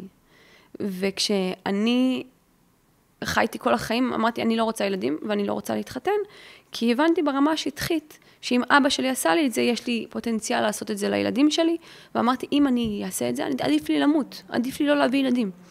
ואז כשהתחלתי לחקור את הדבר הזה והבנתי שאבא שלי עבר משהו, אני לא יודעת בדיוק להגיד מה, אבל הוא עבר משהו. כדי להגיע להתנהגות כזאת, צריך לעבור משהו. ובשנת ה-1950 היית חייב להראות שאתה מאצ'ו, הגבר, הזה, הזה, הזה, ולא יכולת לטפל בזה, ולא הייתה מודעות לדבר הזה. וככל שפיתחתי חמלה בריאה, לא אה, אה, אמפתיה רעילה כזאת, חמלה בריאה של להבין שזה המצב. וכנראה שאבא שלי היה ילד שעבר בדיוק את אותו הדבר ולא טיפל בזה. אז לי יש את האחריות, כדי שדורות אחריי לא יצטרכו ללכת לטיפול. וזה מה שכתבתי על ה... אם אתה רוצה, אני אקרא לך בכיף. אז כן, נשמח. יש לי שואה ב-DNA, יש לי דורות אחורה של רצח, שנאה, אונס, התעללות ב-DNA. זאת אני שקמה כל בוקר ובוחרת לנצח את זה. זאת אני שקמה כל בוקר, וכשהשואה מזדנבת לי למחשבות, אני מחליטה לא להיכנע לה. זאת אני שיודעת כמה זה קשה. לקום כל בוקר ולנצח את השואה הזאת. ואם אני יודעת כמה זה קשה, וכמה כוחות נפש ותרגול אני צריכה כדי לנצח את זה, איך אכעס על אלו שלפניי? איך אמשיך לכעוס על האנשים שלא ידעו שיש אופציה לרפא את הפצעים שהעולם הזה פצע אותנו? איך אכעס על טבע האדם? איך אכעס על אלו שנתנו לי מה שיכלו במסגרת הכלים שהעולם נתן להם? כעסתי מספיק, צרחתי את נשמתי, בכיתי, השיער נשר לי, וזה לא עזר. אף פעם זה לא עזר, מול אף אחד מולם. אז אולי במקום לכעוס, אעשה שלום. רק להבוקר, אנשום. אבין שלא כל אחד יכול להבדין בין טוב לרע. אולי אצליח להבין שאימא שלי בת לניצולי שואה. אולי הבוקר, אחמול. אולי אצליח להבין שאבא שלי היה ילד בלי קול. שכל ההתעללויות שהם עברו פשוט הגיעו גם אליי, בשרשרת אכזרית של הטבע. אז רק להבוקר, אחמול, ארחם, כבר לא אכעס. והשרשרת האכזרית תיגמר בי, כדי שדורות אחריי לא יעברו את זה, כדי שדורות שלפניי יעשו שלום ביניהם, כדי שאני אוכל לחיות בשלווה, רק להיום. וזה, אני חושבת, שהכי מדבר על כל העניין הזה של העברה בין-דורית. כי, כי לא הייתה אופציה אחרת. לא הייתה להם אופציה לעצור את הדבר הזה, כי הם לא ידעו שמשהו לא בסדר קורה. ובגלל זה אני שומרת להם, לנפשם, הרבה חסד. ואני אומרת, זה לא רוע. אין, מבחינתי אין טוב ורע בעולם. יש ריפוי ויש החלטה לרפא את הפצעים שהעולם הזה פצע אותנו, ויש החלטה שלא. ונכון שבעיני העולם זה שחור ולבן וזה טוב ורע, אבל זה לא. כי בתוך אבא שלי, עם כל הרוע במרכאות של מה שקרה, הוא היה עושה מעשים טובים. וכולנו, אנחנו עושים הרבה דברים שהם מאוד מאוד טובים, ודברים קטנים שהם רעים. ולכן גם לגדול בתוך העולם הנורא מבלבל הזה, שדורש ממך להפוך דברים לשחור ולבן. הם לא. יש כל כך הרבה אפור באמצע. ו... ופשוט כל העניין הזה של לקחת את האחריות הזאת כדי שהילדים שלנו לא יצטרכו ללכת לטיפול מאיתנו, ולהבין איך לתת להם את הכלים לחיות, אמיתי. וזה מה שאני רוצה להעביר הלאה. זה מרגש מאוד וחזק ונכון. וכן, אמ, אנחנו סוחבים איתנו, אז את אה, סחבת משהו כבד מאוד, ורבים אה, סוחבים משקל כזה או אחר, ובסוף גם, גם אלה שפוגעים, זה, הם לרוב אלה שהכי פגעו בהם, וזה דרך לראות את זה, גם בדברים הקטנים, אגב, של החיים, גם בטאקלים הקטנים, אם נוכל לראות שהבן אדם הזה עכשיו שמתנהג בצורה כזאת, אה, הוא בעצם בוכה מבפנים, זה יעזור לנו, וגם בדברים הגדולים. כן נשים פה איזה כוכבית, שבמיוחד לגבי מי שסובל מטראומה, אז שאני חושב שלהגיע לשלב הזה של החמלה והסליחה מהר מדי, זה יכול להיות uh, קצת uh, מסוכן, כי... וזה גם לא בהכרח נכון, כן, כי כש... היית קודם כל צריכה להשתחרר מהאשמה. הייתי קודם... חייבת לעבור את כל השלבים של הכאב, כן. כדי להבין מה זה סליחה וחמלה. כן, אני חושב, אני תמיד אה, גם אומר שחלק מתהליך הריפוי זה קודם כל לכעוס עליו. זאת אומרת, קודם כל היית צריכה להבין שאת לא אשמה, ולכעוס עליו שהוא עשה לך את זה. על כל העולם, על אימא, על האחים, על המורים, איך לא ראיתם, איך לא הצלתם, איך לא שתתם יד. כן, ואחרי שהשלב הזה הושלם, אפשר לעבור לסליחה, כי אם הוא לא הושלם, אז להתחיל להבין את אבא ואת הילדות שהוא עבר, זה הופך להיות האמפתיה הלא בריאה הזאת ש, שהזכרת אותה, זאת אומרת, ועוד יותר אשמה. אז אני בכלל לא בסדר שאני מדברת עליו. שאני כועסת עליו. זה בדיוק הדבר שהכי חשוב לשחרר אותו, כי הוא הכי מזיק, שהכי גם גורם לחוסר אמונה בעצמך ולחוסר ערך, כי ספק הזה, חוויית הספק הזה, זה הדבר הכי מזיק בכל הטראומה. כי הסליחה שלך היא מאוד uh, יפה ו... ובאמת שלב ככה מתקדם שהגעת אליו. היה קשה מאוד להגיע לשם. אני חושב שבאמת טוב להגיד את זה, שזה, שזה שלב מתקדם יותר, לא.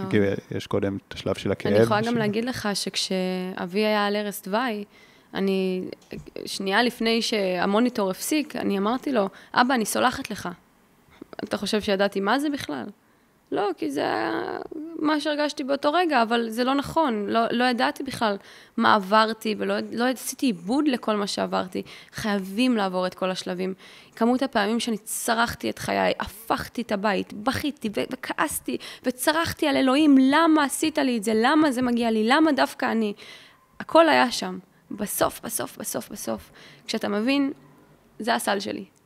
כן. אלה החיים שקיבלתי. עם זה אני צריך לעבוד. נגיד משהו ככה ממש לקראת סיכום. הקטע הזה של לגעת בכאב הוא גם, הוא מפחיד. הוא מפחיד, אני חושב, גם, גם כשמסתכלים מהצד, עשיתי איזושהי סדנה, ממש שבוע, לבוגרים של ה-NLP, שממש ככה נוגעת בכאב, ו... ורואים אנשים נכנסים לזה חזק, וגם כאילו מהצד ש... שאני אחראי על כל זה, כי פתאום יש איזה משהו מפחיד, וואי, אולי אני... אולי זה יותר מדי. אולי זה יותר מדי, אולי יש פה אנשים שזה לא נכון עבורם. אה, ואגב, אה, ואני אגיד בסוגריים, באמת צריך להיות פה מאוד אחראיים, כן. כי, כי זה, יכול, זה יכול להציף גם, זה, נכון. זה גם יכול להיות יותר מדי. אבל אם עושים את זה במסגרת נכונה, ולמשל נגיד, מה שראיתי, שכאילו באיזשהו שלב אמרתי, וואי, אני לא, מפחיד לקחת אחריות על כל הדבר הזה. אבל אחר כך אנשים זורחים, ו- ויוצא מהם איזה אור, כי משהו מתנקה. צריך לרוקן, ו... צריך לרוקן, לרוקן. אין, הגוף לא מחזיק את הדברים האלה. ושוב, כן, צריך את המסגרת הנכונה, כמו שאמרת, כי גם בהתחלה התחלת לספר על הדברים, ורק להציף את הכאב, וזה היה לדרוך על הפצע. נכון. אז צריך, צריך לדעת ה... למי לספר גם, כי אתה יודע, גם כן, ו... יש אנשים שהשתמשו בזה כנגדנו, זה צריך להיות במערכת טיפולית נכונה, כדי uh, באמת לפרוק את כל הדברים האלה. כי בוא, בסוף, הסליחה שלי הגיעה מתוך מקום פנימי שלי, הרי לעולם ולעולם אף אחד לא יבקש ממני סליחה. חוץ מאמא. אבל אף אחד לא יבקש ממני סליחה. אבא שלי נפטר, כנראה אם הוא היה בחיים הוא לא היה מבקש סליחה. אחים שלי חושבים שאני האשמה. אף אחד לא יבקש ממני סליחה. לא הלכתי ואימתתי והתעמתתי איתם, ואתם עשיתם, מה פתאום? הסליחה הגיעה מתוכי. הסליחה הגיעה מתוך מקום שאני מבינה את השורש של הנפש שלהם, את התיקון שלהם בעולם הזה. ואני מאוד מאוד מאמינה שאנחנו מגיעים לפה, חייב להיות איזושהי סיבה שאנחנו מגיעים לפה בעיניי. ואני מאמינה שאנחנו מגיעים לפה להשתלמות רוחנית. באמת. כן. כדי להתגבר על המשברים האלה, ומה שלא התגברנו עליו, יופיע בנפש ויופיע בגוף, ויעבור דורות הלאה, עד שמישהו יקטע את השרשרת הזאת, עד שיבוא מישהו מספיק חזק כדי להגיד, פוס, זה עוצר אצלי. והרצון הזה לסלוח, זה לא שיבקשו ממני סליחה, לעולם לא יבקשו ממני סליחה. לעולם. ואני צריכה למצוא בתוכי, עמוק בפנים, את המקום לסלוח ולשחרר, לא בשבילם. אנשים לפעמים, אתה יודע, לא מבינים, אומרים לי, את עושה יותר מדי אה, רומנטיזציה לסליחה. אני אומרת, לא, לא, אני לא סולחת בשבילם, כדי שלהם יהיה טוב ונעים והמצפון שלהם יהיה נקי. הם צריכים לחיות עם עצמם. זה כבר עונש קשה מאוד. הם צריכים לחיות עם עצמם, עם הנפש הזאת, שהיא בריכוז עצמי מאוד מאוד גבוה, בקורבנות מאוד מאוד גבוהה. רחמים, חמלה, מסכנים. זה קשה נורא לחיות ככה, אני יודעת, הייתי שם. ואני סולחת כדי לשחרר את עצמי. אני סולחת כדי שהדבר הזה לא ינהל את חיי יותר. וזה גם מה שאני ארצה להעביר, גם בהרצאות שאני עושה וגם בספר שאני כותבת. אני, לפעמים אני אומרת לעצמי, בוא'נה, אני צריכה לקרוא לדברים שאני הולכת לעשות סמינר לסליחה. כי, כי זה בסוף לא בשבילהם, זה בשביל שאנחנו נוכל לחיות חיים בריאים, שלווים ונעימים. את יודעת, יש איזו מטאפורה שהיא בעיניי אחת החזקות לגבי כעס וסליחה, היא קשה להכלה. אבל נראה לי שאת uh, תאהבי אותה ותשתמשי בה, מכתבים עתיקים. והוא אומר, אם אני אקח מקל, ו- ואני אבוא עם מקל, ואני אכה אותך, על מי תכעסי? עליי או על המקל? נכון, עליך. עליי, אבל למה עליי? המקל. המקל, הוא פגע בך ישירות. למה תכעסי על הבן אדם ולא על המקל? כי הוא עשה את הפעולה. ו... והמקל היה לשימושו. כן, והמקל היה איזשהו כלי. ואז מה שבא אותו בן אדם עם, ה, עם אותה מטאפורה, אומר, הבן אדם הוא קצת כמו אותו מקל. המקל הוא, הוא נשלט, לא הייתה לו בחירה. הבן אדם לקח את המקל והיכה עם המקל. ואנחנו כועסים על הבן אדם כי לבן אדם יש בחירה, לבן אדם יש שליטה. הוא בחר לפגוע בי, או לכל הפחות, אם הוא לא בחר לפגוע בי בכוונה, הוא יתרשל. נכון. אז אני כועס על זה. זה לא כמו, הגשם יורד, הוא יורד. נכון. זה, אני הרבה יותר אכעוס על, על מישהו שבא, לקח דלי מים ושפך עליי באמצע היום, מאשר אם גשם, יצאתי החוצה ונרטבתי, זה מבאס, אבל בסדר, אני לא נותר טינה לגשם. אבל בני אדם אנחנו נותרים טינה, כי אנחנו מייחסים להם שליטה ובחירה וכוונה. והוא בא ואומר, בני אדם הם בעצם דווקא כן קצת כמו המקל. מאוד. הם נשלטים על ידי הטראומות שלהם, על ידי נסיבות החיים שלהם, הם גם כן נשלטים. והדבר היחיד שאנחנו יכולים לכעוס עליו, זה אם כבר, על, ה, על הכעס עצמו, על הסבל הזה, על, ה, על הכאב, עצמית. על הטראומות האלה, על זה אפשר לכעוס. הבן אדם הזה, גם כן קצת כמו מקל, הוא נשלט על ידי הכאבים שלו. זה משהו קשה להכלה, אבל אני חושב שהוא מאוד מרפא. ותמיד כשאומרים את זה, צריך גם לשים את הסייג, ו... או לא בדיוק סייג, אלא את הדגש, שזה כמובן, זה שאני סולח, זה לא אומר שאני לא אגן על עצמי. זה שאני מבין שהבן אדם שבא ומכה אותי, הוא בעצמו נשלט על ידי הכאבים והטראומות שלו, זה לא אומר שאני יכול לאפשר את זה. נכון. אם הוא באמת אה, ממש אה, פעל באלימות, הוא כנראה גם צריך להיענש על זה, או לא בהכרח להיענש, אלא צריך לשמור על אנשים נוס... שלא אנשים נוספים ייפגעו. זה לא אומר את זה, אבל, אבל זה כן משהו שמאפשר לסלוח ולא לשמור את הטינות. ואני יכולה גם להגיד לך שהיום, לפני שאני התחלתי את הטיפול, הייתי הכי אימפולסיבית בעולם. מילה לא במקום, הייתי הולכת עליך ג'יהאד, הייתי עפה על אנשים ברמות, יוצאת על אנשים ברמות.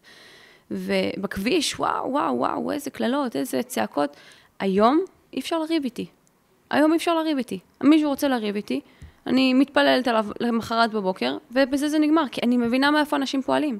והלמה הגדול הזה שתמיד הוביל אותי, היום זה די ברור לי. אנשים לא טיפלו בטראומות ילדות שלהם, הם ממשיכים להיות מנוהלים על ידי טראומות הילדות שלהם. הם ליטרלי כלים, הם לא משהו אחר, הם לא בני אדם שחושבים במודעות מאוד מאוד גבוהה, וגם אם כן, עשו טעות, אנחנו בני אדם.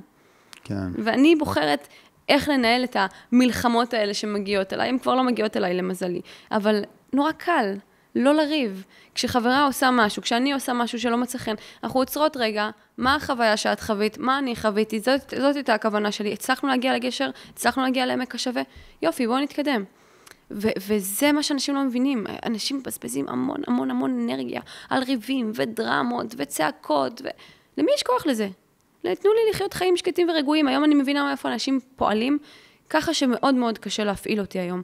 כנראה שלמשפחה שלי יש קצת יותר כוחות עליי, כן, אבל כן. היום מאוד מאוד קשה להפעיל אותי, כי אני מבינה מאיפה אנשים פועלים. ואת יודעת, אם ניקח את זה לתחום החברתי, הפוליטי אפילו, שאת מאוד אה, מעורבת בו, כל הנשק אה, ועניינים כאלה, אז בסופו של דבר, כל מה שאנחנו עושים וכל המלחמות, אה, אין לזה באמת פתרון, וזה מרגיש פלונטר נוראי כזה, כאילו במיוחד במדינה שלנו. אבל אם יש פתרון, אז אני חושב שהוא בא בדיוק מזה, מהריפוי הזה, שכל נפש כזה שנרפאת, זה מביא את הפתרון גם ברמה החברתית, מדינית, הגדולה יותר. זה מזכיר לי משהו. זה הריפוי. אם אנחנו לא יודעים, במערכות היחסים הכי פשוטות שלנו, לא יודעים לעצור את הריבים, מה אנחנו מצפים מהם נכון. בפלונטר המטורף הזה שיש פה? אנשים מבזבזים המון המון אנרגיה על הדבר הזה. אני יכולה גם להגיד לך שלפני, לדעתי חודש, היה לי עימות עם אה, הרב יוסף ארציאל אצל אה, עודד בן עמי. הוא הוציא מכתב עם הרבה רבנים שצריך לאסור נש... גיוס נשים לצה"ל, שנשים מקלקלות את השורה בגלל שמטרידים אותה מינית. עכשיו, יופי, מותק, נגעת לי בדיוק בשתי הנקודות הרגישות, הטרדות מיניות וצה"ל, ועליתי מולו לעימות. עכשיו, אם היית מבקש ממני לפני שנתיים לעלות לעימות, הייתי אומרת לך, מה פתאום? אין סיכוי, אני עימותי, מה פתאום? אני גם סתומה, אני גם עצבנית, אני גם... ועליתי לעימות, ומתוך מקום של אהבה, התעמתתי. אמרתי, תראה, אתה יהודי, אני יהודייה, אתה מרחיק את אזרחי ישראל מהדת. אתה גורם להם להרגיש שזה משהו רע, שזה פילוג, וזה הסתה, וזה... ו- וכל השיחה אומנם התנהלה בווליומים, אתה יודע, לא, לא גבוה, אני לא צעקתי, לא הרמתי את הקול אפילו, ו- וזה כן התנהל בצורה מאוד מאוד חותכת, אבל יכולתי לבוא ולהגיד לאדם שהרבה יותר מבוגר ממני, ושאני באמת בחמלה כלפיו, כי אני אומרת, איזה, אתה יודע, מסכנים, הם מפחדים מנשים. כי הוא אמר, אה, לא, אם יש נשים בצבא, מטרידים אותם. אז רגע, אז אמרתי לו, אוקיי, בצבא מטרידים, אתה צודק, באולפנה מטרידים, בבתי ספר מטרידים, בגנים מטרידים, איפה תחביא את כולם בבית? אבל איפה תחביא אותי? מה לעשות? ואתה רוצה באמת, מתוך מקום אמיתי ורצון טוב, לבוא ולטפל בהטרדות מיניות, בוא אתה ואני נצא לתוכנית פעולה ביחד, נעשה מה שאתה רוצה. אבל אתה לא מדבר פה על הטרדות מיניות. אתה מנסה לקדם את האג'נדה שלך על הנושא המאוד מאוד כאוב ורגיש הזה.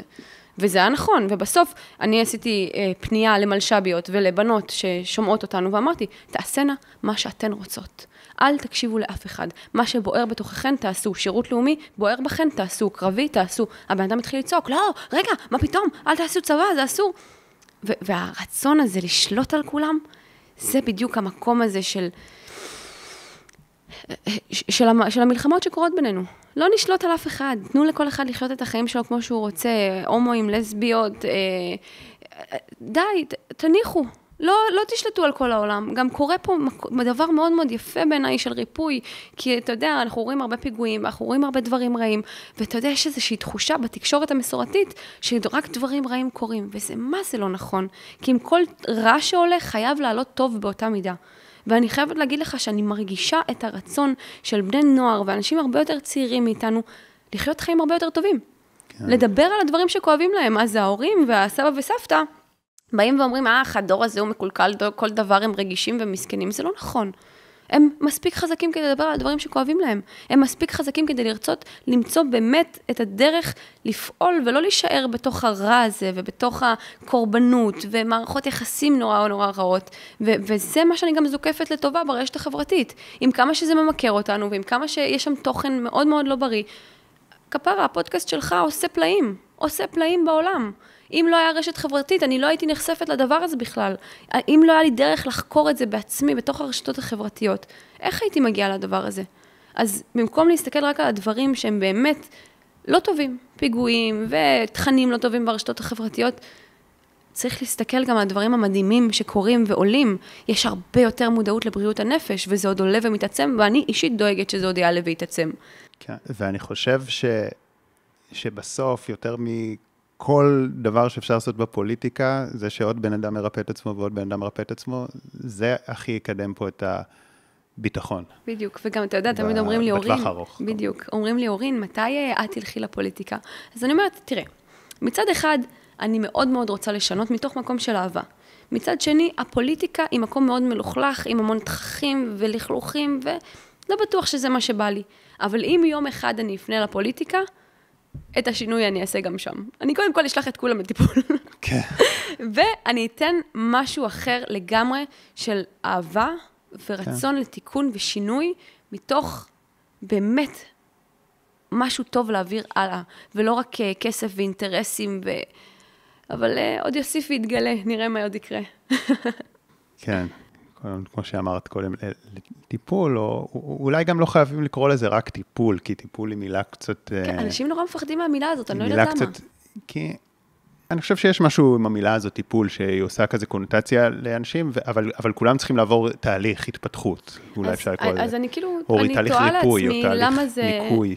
אני מסכימה איתך, אבל אני תוהה לעצמי למה זאת מילה עם קונוטציה שלילית. הרי אימא ואבא אמורים לטפל בילדיהם, נכון? נכון? לא יודע, זה פשוט... אני, אני, כשאני מסתכלת על המילה טיפול, אני מאוד מנסה לראות את זה בתוך המקום כאילו המחבק. טיפול, טיפול זה מין, יש איזו קונוטציה ש... מה, אני משוגע? לא, ש, שיש משהו מקולקל שצריך לתקן. כולנו. דפוקים.